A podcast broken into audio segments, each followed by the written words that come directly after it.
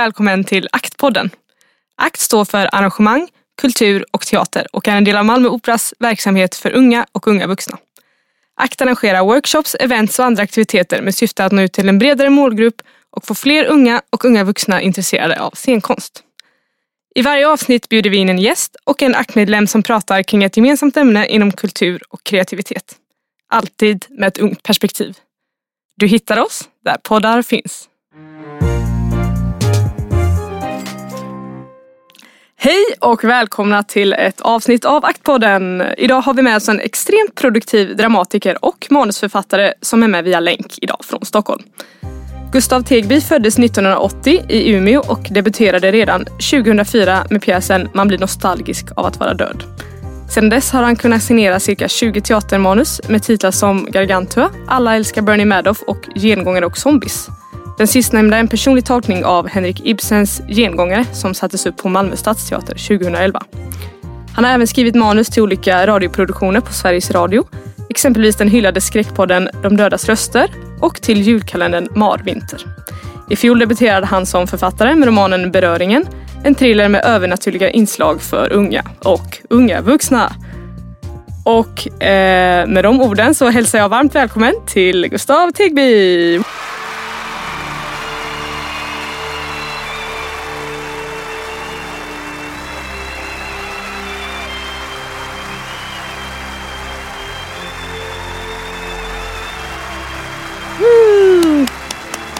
Får en liten applåd. Tack så jättemycket. Från mig här.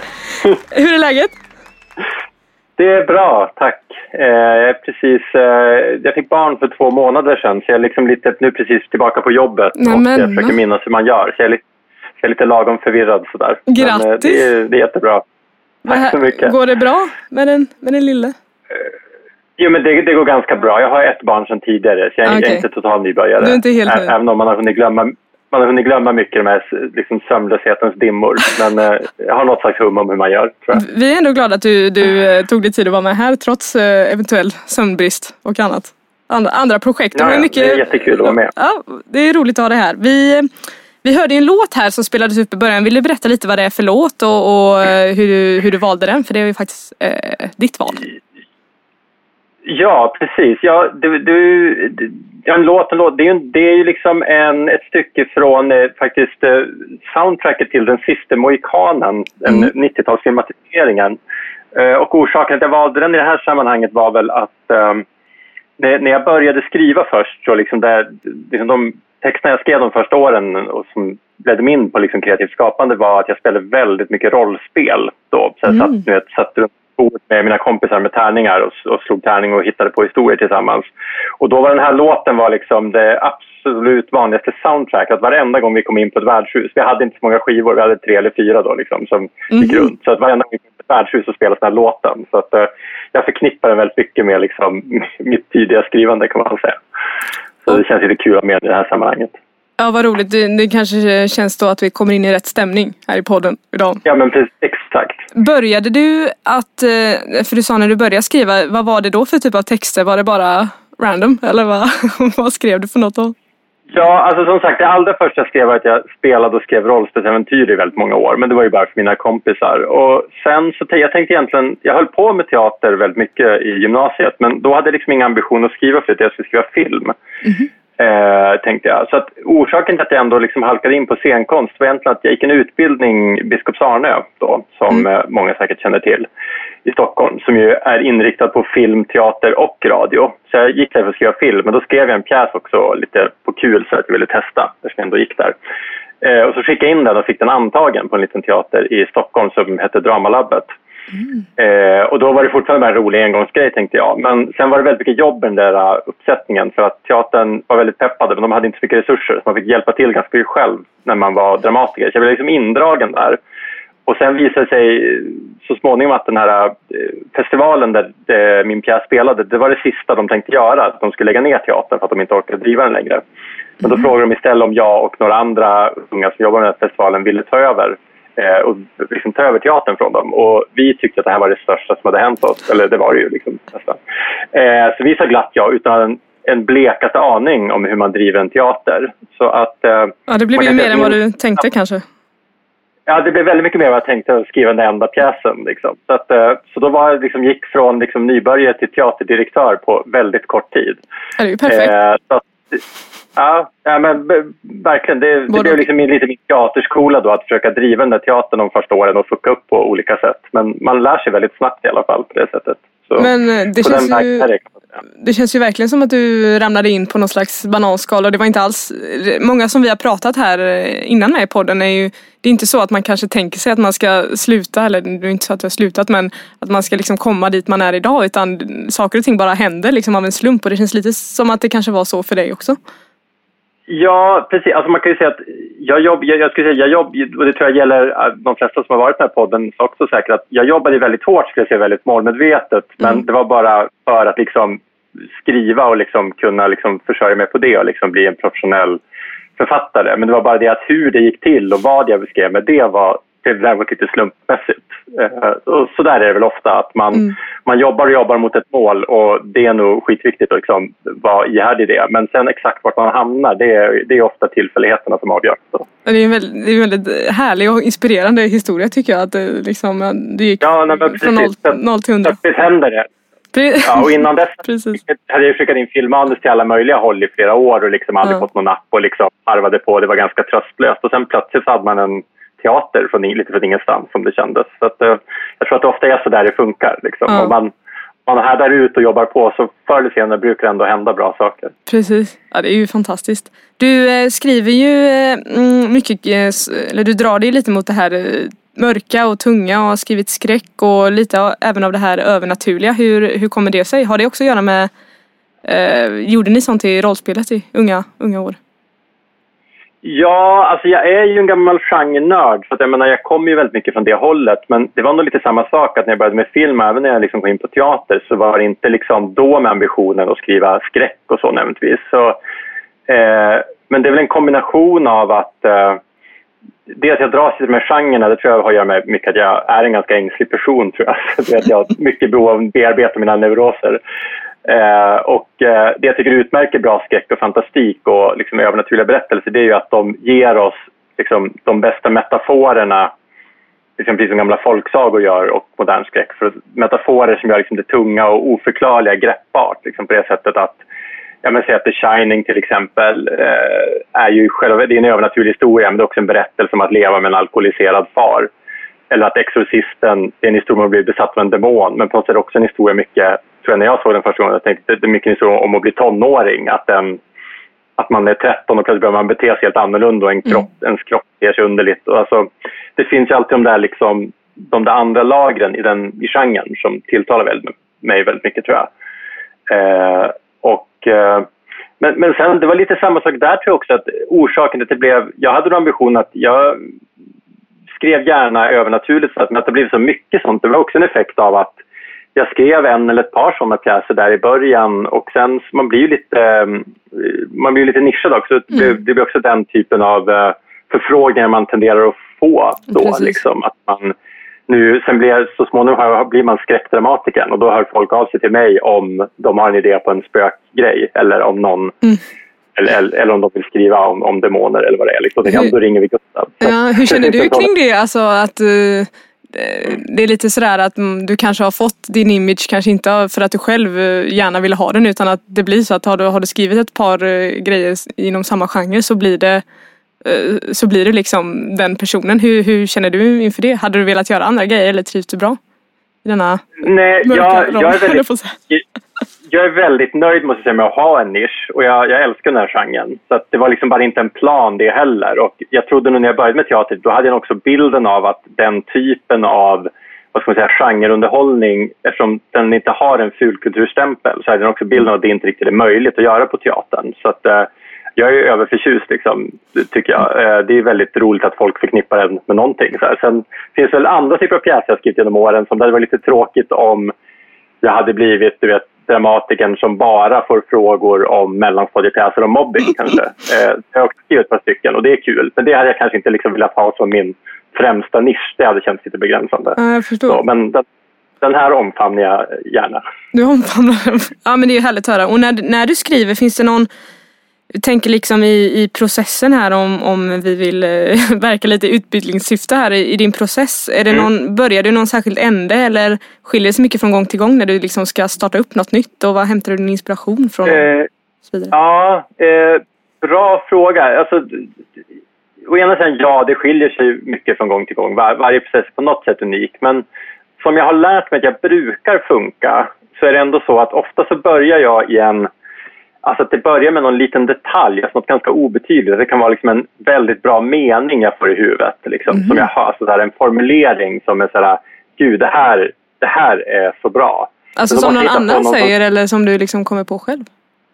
Nej, men i, både och ibland. Det kan vara, jag, jag går liksom runt och antecknar konstant i telefonen. Liksom. Mm. Jag har liksom sida efter sida med listor på här små liksom, idékorn. Och det mesta blir ju ingenting. Men sen är det något man inte riktigt kan släppa. Och så behöver den här meningen, liksom, vem skulle kunna säga den? Och då behöver jag ha en karaktär som säger den. Och sen behöver jag ha en scen där han kan säga det. Och sen liksom spinner det vidare sådär. Till slut så, i bästa fall så liksom växer det där tills man till slut har liksom en hel handling som bara sprang ur den där liksom enda liksom, lilla formuleringen. Att man liksom, det är lite som att få tag i ett eh, få tag i änden av ett nystan och sen liksom får man nysta vidare och se om det leder någonstans. Om nystanet är långt nog för att bli en hel pjäs.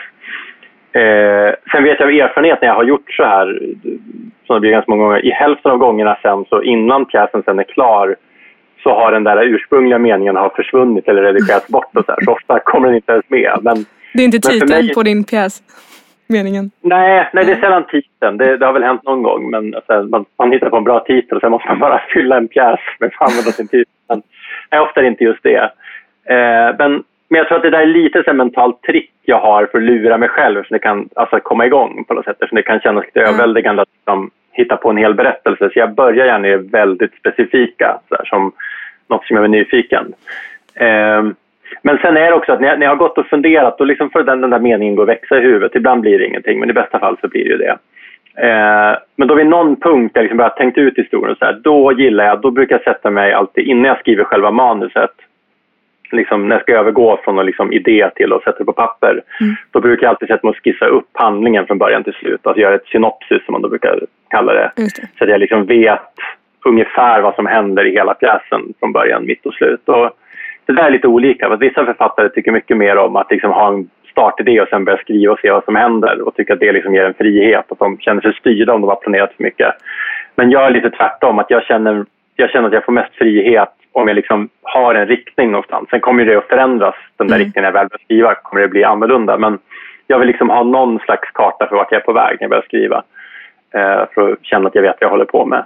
Ja. Det låter ju lite som det här som du sa att det börjar lite, det låter också lite som det var så det började för dig och hela din liksom teater och manusförfattarkarriär och så vidare. Att det, det börjar någonstans men man vet inte riktigt alltid var det slutar utan det, det byggs på vart eftersom. Det är ganska häftigt. Att man Mm. behöver inte alltid ha det helt klart för sig liksom. När man, Nej, men precis. Det, jag vet inte, det, kan vara, det kanske, kanske var någon slags personlig disposition också. jag- Eller liksom att jag tenderar att se världen på det sättet. Ja, Liksom. jag, jag vet inte. Man Nej, skulle, man, man skulle kanske beskriva det på något annat sätt också. Men, eh, ja, nej, men jag, jag tycker ofta att det, all, det mesta tenderar att funka så för mig. Liksom. Mm. Att det, det är någon... Det börjar något litet och drar iväg i någon oväntad riktning. Nej, men det, det Så- låter ju väldigt spännande. Alltså inte ens du själv vet riktigt vad det, vad det slutar kanske. Nej, inte, inte alltid. Nej. Eh, men, mm. Eh, och eh, i den, här, i den här podden så brukar vi ibland eh, bjuda in andra medlemmar i det här projektet ACT. Idag sk- Ja. skulle vi egentligen haft med oss Madeleine Hallberg här som är väldigt intresserad av manusförfattande och också själv en ung skådespelerska som också är ganska ny eh, i sitt skrivande och hon har lite frågor här som vi gärna skulle vilja lyfta eh, om du skulle vilja Ja. tänka dig att svara på dem. Och, eh, det första hon undrar är eh, vad du tycker är de tydligaste skillnaderna och hur man bör tänka när man eh, skriver teatermanus gentemot om man skriver en bok som du också eh, har gjort. Mm, just det. Bra, det är en jättebra fråga. Det, jag skulle säga så här att teatermanus det gäller egentligen filmmanus och radiomanus också. Men vi pratar liksom, manus. Mm. Eh, det specifika med dem är ju på något sätt att det är inte ett konstverk i egen rätt skulle jag säga. Utan det man gör är mer en slags, det är en ritning. Eh, Hur menar du då? En kon- jag menar att det är liksom en konstnärlig ritning eh, för någonting. Men sen är det några, någon annan som ska bygga huset om man använder metaforen. Att sen kommer regissören in och skådespelarna kommer in och scenograf kommer in. Så att att skriva teater för mig handlar, det handlar att lära, alltså min process att lära mig skriva teater det handlade egentligen mycket om att lära mig att inte, inte berätta för mycket. Det var mm. mitt problem, att jag i början att jag skrev ut alldeles för mycket detaljer och liksom så här, vill gärna beskriva hur exakt varje replik ska sägas, alltså exakt hur folk rör sig, vad som händer i rummet och hur det ser ut. Men mm. allt det där är ju sånt som du har ett helt konstnärligt team som kommer att lägga väldigt liksom, mycket energi på att tillföra sina perspektiv och sin konstnärliga kompetens. Och liksom ett bra teatermanus är ganska avskalat. Att det handlar mycket om att liksom ge en bra stomme som, som gör andra sugna på att bygga vidare. Det är väldigt mycket som man får sina manus spelade också. Liksom att säga lagom mycket och liksom lämna luckor kan man säga nästan, som en regissör kan gå igång på. Okay. Liksom att den här scenen kan göra på det här sättet men också på det här sättet. Och det, eller det här rummet kan se ut på det här sättet men också på det här sättet. Ah, ja, ja. Det är ju ganska intressant med tanke på att du, vad jag förstod, ganska nyss har debuterat som författare. Alltså innan har du mest skrivit för, för pjäser men nu har du också skrivit en bok. Hur, hur liksom gick det? När du fick du tänka om då? Eh, mycket... Ja, nej, men så var det ju. Alltså jag, precis, jag, jag kom ju lite från andra hållet. Jag, jag, jag skrev framförallt mycket teater först och sen det, det, men det var lite chockartat faktiskt. Alltså jag kände mig nästan lite övergiven när jag satte med boken. Så det var som Ensam. att jag, man liksom, jag satt lite och väntade på när kommer regissören. Var är mitt team?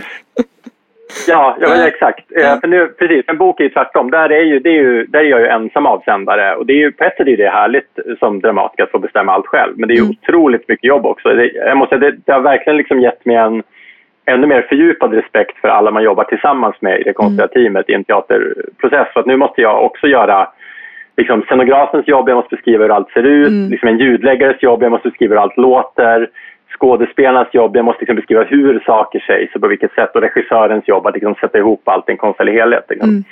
Så att, eh, det, är, det, det är något helt annat. Och, eh, så där, då fick jag liksom lära mig igen och skriva mer och liksom fylla i de där luckorna som ett bra teatermanus verkligen behöver.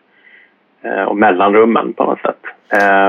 Så det var väldigt spännande men väldigt svårt. Ja, det låter ju som att det, jag, jag är inte så involverad i det här men, men det är väldigt intressant att höra att det är så himla stor skillnad. Man kan tänka, ja, ja, manus som manus eller bok eller pjäs men det är ju verkligen skillnad i hur man då arbetar eller om man ens arbetar med andra också att det kanske inom mm. teatern då är mer av ett tillsammansskapande medan man som författare är lite mer på sin egen, egen kammare och, och, och funderar. Ja, nej men precis. Det, det, det, finns något väldigt vackert i, i det där i teaterprocessen på det mm. sättet just. Och, och det är därför jag tycker det är så viktigt det som manusförfattare, alltså inte bara för att man vill bli spelad så det är ju en orsak att väcka lust liksom i den som läser på något sätt men det är också något väldigt vackert i det här att lämna över koncentrera sig på att göra sitt jobb så bra som möjligt, liksom dialogen, mm. situationen, handlingen. Mm. Men sen också att faktiskt få lämna över det till eh, några andra och säga det här, det här har jag att komma med, liksom, vad gör ni av det här och se vad Precis. det blir. Det är klart, det kan ju vara frustrerande när det inte blir som man har tänkt sig. Mm. Men det är också det som är vackert, att det aldrig, aldrig blir som man har tänkt sig. Nej, och man kanske kräver att man litar mer på andra, att de för det liksom vidare. Mm. Och sen kanske det blir något annat som du säger än, än det man först tänkte sig.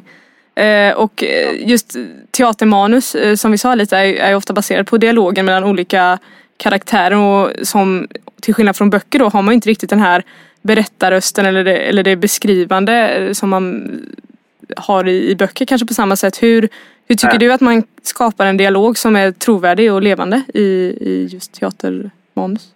Ja, det där, precis. Det där är ju svårt. för det, svåra med det är ju att det, det som... För det som känns trovärdigt på scen eh, det är ju inte nödvändigtvis samma sak som det som är trovärdigt. Alltså liksom en bokstavlig dialog mm transkriberad som folk faktiskt pratar är ju väldigt tråkig. Och det finns en viss typ av teaterhumor som man kan skapa genom att faktiskt transkribera det folk säger med alla liksom stakningar och upprepningar och liksom mm. omständigheter och sådär. Men i, varje, i liksom 95% av fallen så är det otroligt tråkigt att lyssna på och känns intressant nog inte trovärdigt om man spelar mm. trovärdig dialog. Eh, utan man söker någon slags skärpa och någon slags liksom, känsla av förhöjd verklighet eh, och, som en pjäs skapar. Och det jag tror är viktigaste där är att hitta på något sätt sin, sina egna regler, alltså pjäsens regler mm. eh, och vara konsekvent i dem. Att en komedi ska låta på ett visst sätt och då ska folk prata på ett visst sätt, alltså vara ganska snabba i repliken, då ska liksom dialogen gärna gå zigzag i ganska högt tempo mm. och folk är vitsigare än i verkligheten och sådär. Och det är det man vill ha i en komedi. Eh, så det handlar mer om att hitta den tonen och sen hålla den. Och en thriller låter på ett helt annat sätt. Och, eh, en poetisk betraktelse låter på ett annat sätt. Eh, så det handlar, där, där att skapa en trovärdighet på scen handlar väldigt mycket om att liksom definiera sin genre och sen liksom försöka vara konsekvent i det. Eh, men rent konkret är det bästa tipset för att skapa, skriva bra dialog, det är att eh, testa mycket. Mm. Jag vet att i början när jag började skriva så hade jag väldigt många readings, alltså läsningar då med mm. eh, man hör pjäsen högt. Och har man skådisar som vi hade på teatern då så är det jättebra men man kommer väldigt långt också med att bara dra ihop ett gäng med kompisar som får liksom varsin roll. Att, och att bara att höra sin text är verkligen den bästa skolan som manusfattare som man kan gå i. Mm. Att man, man kommer garanterat upptäcka, framförallt jag börjar upptäcka alltid att jag skrivit för långt, att jag liksom har onödiga detaljer. Och, men också det där, liksom, ja, trovärdighet, vad det nu är, det är svårt att sätta fingret på, mm. men man, men man hör, det, man hör när den brister så att säga. Alltså, och då, men det krävs ofta att eh, folk säger bara, höra någon säga repliken högt. Just det. Och det ofta, och spelar upp mina egna scener också när jag, läs, alltså när jag skriver. Att jag liksom testar små dialoger högt för mig själv också bara för att känna på det. Ja, och på tal om det leder också in på Madeleines sista fråga här. Om man vill få ja. sådana här readings, om man vill få sitt manus läst och uppmärksammat, eh, som ju du eh, har, har gjort mycket, och om man är lite ny som då eh, Madde kanske är, hur, hur, ja. hur gör man då? Vad är dina tips? Om man är okänd? Uh, ja, mm, Precis. Ja, det är ju det är oundvikligen så att det är ju lite ett moment 22 för alla som börjar med teater som är att man, man blir bra, som jag sa, alltså man blir bra på att skriva genom att få testa sina texter. Men för att få testa dem så behöver man vara bra. Mm. Och kanske eh, erfarenhet men, ibland. Ja, ja men precis. Det, eller vad de säger, om, omdöm, eh, gott omdöme skaffar man sig genom erfarenhet och erfarenhet skaffar man sig genom dåligt omdöme, som någon sa.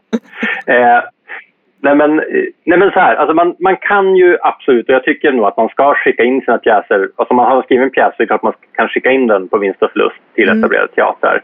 Men det, man, kan, man kan ju ha en väldigt tur och man kan ha skrivit något liksom så fantastiskt att man inte kan ignorera det. Men man ska vara medveten om att det är otroligt sällsynt att ett manus blir upplockat på det sättet. Mm.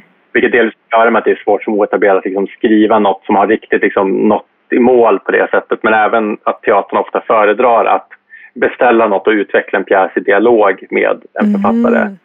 Ofta är det då bättre att kanske presentera en idé.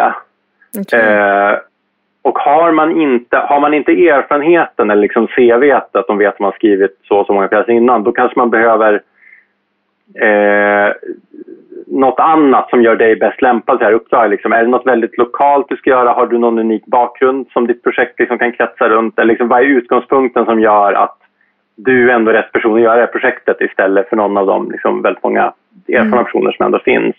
Ja det känns ju eh. som, som mycket annat så kanske det inte handlar om, eller, eller alltså, såklart handlar om manus i sig men det är också mycket det här som du säger runt omkring och så här, kontakter kanske och vad har man, alltså vidga sina Ja, nej men så är det ju. Men, men Precis, men känner man att man har liksom en oberättad historia skulle jag säga, alltså liksom ett perspektiv som saknas. Och det finns ju ändå gott om sådana. Teater har blivit bättre de senaste åren på att plocka upp liksom en mer mångfald av röster och så. Men det är ju fortfarande så, det finns ju, det är ju en det är ju en ganska vit medelklassig konstform mm. fortfarande. Mm. och berättar många vita medelklassiga historier. Och liksom det, klart, det kan vara lättare om man, om man har något annat att bidra med där som man inte har sett gestaltat på en scen innan så kan det komma en bit med det men annars är min mitt tips. Det ena är att uh, skaffa en praktikplats, alltså få in en fot lite vart som helst på en teater. Bara för att få prata med folk, få lära dig liksom hantverket bakom kulisserna. Hur går det till att göra teater? Men också få en chans att lära känna dramaturg, lära känna teaterchefer och liksom,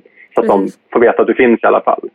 Uh, det andra är ju, det är faktiskt, alltså, jag tycker man ska göra sina egna uppsättningar. Alltså, har, man, har man inga professionella skådisar att tillgå, ibland kan man få, ibland så tycker om att något är kul och eh, man är liksom, ibland har ju folk tid över mm. och kan mm. vara med väldigt lite pengar. Men, men annars kan man göra, göra med ens kompisar eller ens liksom, aspirerande skådisvänner som kämpar på samma sätt som en själv. Och så här. Men mm. man, behöver, man behöver få se sina saker på scen för att bli bättre på att skriva. Det är så det är. Man kommer en bra bit på, man kan sitta på kameran och bli bättre men det kommer liksom en punkt där man, man behöver testa, man behöver få det spelat, man mm. verkligen behöver möta en publik. Och det är också ett, ett, bra sätt att ha någonting att visa upp, något du kan bjuda in folk till. Liksom, de som du vill ska bli intresserade. Precis. Att komma och titta, liksom. det, det blir bra. Liksom. Ja, så, Eh. så som det var lite för dig. Alltså man, man börjar ju någonstans och du liksom Ja. började med en grej och sen så växte det och du hittade din nisch och man får mer och mer liksom. Det, det är såklart eh, hard work eh, som alltid men Ja. eh, ja. Nej men så, så är det ju. Man vet aldrig riktigt vad det är som kommer att liksom leda till ett eventuellt genombrott. så här. Men, men det man kan veta är att det är bra att göra saker. Det, Mm. det är kanske inte pjäsen du tror eller sammanhanget eller uppsättningen du tror som kommer att leda till något. Men ju mer du gör desto större chans är det att bra grejer händer. Precis och större chans att man kanske får synas i, i olika typer av sammanhang. Om, ju mer man gör desto mer Ja. chanser Ja. har man ju att synas. Mm. Nej men verkligen. Och liksom kommer man från en speciell del, alltså liksom en, alltså säkert kanske man inte kommer från storstadsregioner också. Det kan vara svårare att ta sig in då kanske att man Mm. inte, det är mindre chans man har de rätta kontakterna och sådär. Men då tycker jag också att man ska börja liksom lokalt, alltså gräva där man står. Vart kommer du ifrån? Alltså, Det är ofta lättare att få någonting Mm. spelat på mindre orter. Finns ett mindre utbud där. Så konkurrerar du inte med Dramaten, Riksteatern och Stadsteatern Mm. nödvändigtvis. Nej. Och där har du också en, du har en röst och perspektiv eller liksom berättelser om platsen du är uppväxt på eller det du kommer ifrån som har, ett särskilt, eh, som har en särskild bärkraft där. Liksom. Exakt. där, det kommer vara lättare att få folk intresserade. Att, eh, Ja och vi vet ju, Madde då som inte kunde vara med idag, hon är ju i Blekinge nu så Ja. vi, vi kan väl säga till Madde, stanna kvar där och gräv där du står. Nej gud vad sjukt. Nej Madde Ja, du får gärna komma tillbaka. man kan ju pendla och gräva. Det kan man göra, pendla och gräva. Eh, och innan vi avslutar här är jag lite, lite nyfiken på vad, vad som sker härnäst. Vad är dina planer? Har du några Mm. framtida projekt? Ja, precis. Jo då. Eh, jag har ett gäng, eh, ett par jag inte riktigt kan berätta om än. Men sen Mm. jag har jag en, jag är en videowalk just nu med Masthusteatern i Göteborg. Vad hette det sa du? Jag har jobbat tidigare. Eh, en videowalk. Okej, vad är det? Alltså, det är alltså en, säga, en interaktiv spökhistoria eh, som är en scenkonst som delvis utspelar sig i lokalen och delvis på publikens paddor. Oj, Eh, det känns nytt. mm. Ja, och så går man runt i lokalen och upplever den här berättelsen. Ja, det, är, det, är- mm, det är första gången jag jobbar med precis den här formen. Det känns jättekul. Det är en superbegåvad regissör som heter Lisa Fernström som, har, eh, som håller i, i det projektet. Eh, jättekul. Eh, och sen skriver jag en ny eh, romantrilogi eh, faktiskt Mhm. för eh, Rabén Sjögren där min bok kom Mm. ut. Så att den första boken ska komma ut nästa år. Eh, men sen framförallt så ska jag, jag ska vara då föräldraledig i vår också då med min Ja, son. Så att stora mål just nu det är att bli klart med allt innan dess. Så jag kan vara ledig med gott samvete. Ja. Ja men Ja, då eh, får vi önska dig all lycka till Jag tyckte det här Göteborgsprojektet känns väldigt spännande. Det ska jag gå och Mm, det titta kommer bli skitkul. Ja det känns väldigt eh, nytt och eh, ja, men Ja, interaktivt. ja. 2020 and beyond. Eh, nej men du, vi tackar dig jättemycket för att du var här, eh, eller här och här på, på länk. Du var här virtuellt. Eh, men det, det men går ju bra själv. i dessa tider nu med. Och så eh, får vi önska dig lycka till och eh, ja, att eh, allt går bra för dig med, med pappaledighet och, eh, och andra projekt. Tusen tack. Tack! Eh, och jag som har varit programledare idag heter såklart Frida Nilsson och jag hoppas att vi ses, eller kanske inte ses, men vi hörs nästa gång. Ha det gött så länge. Hej hej! Tack till våra sponsorer Stiftelsen Signatur, Swedbank och Sparbanksstiftelsen Skåne. Idag har ni hört mig, Frida Nilsson, programledare. Projektledare är Miriam Riaje, producent Lina Tillberg och tekniker Jens Illström.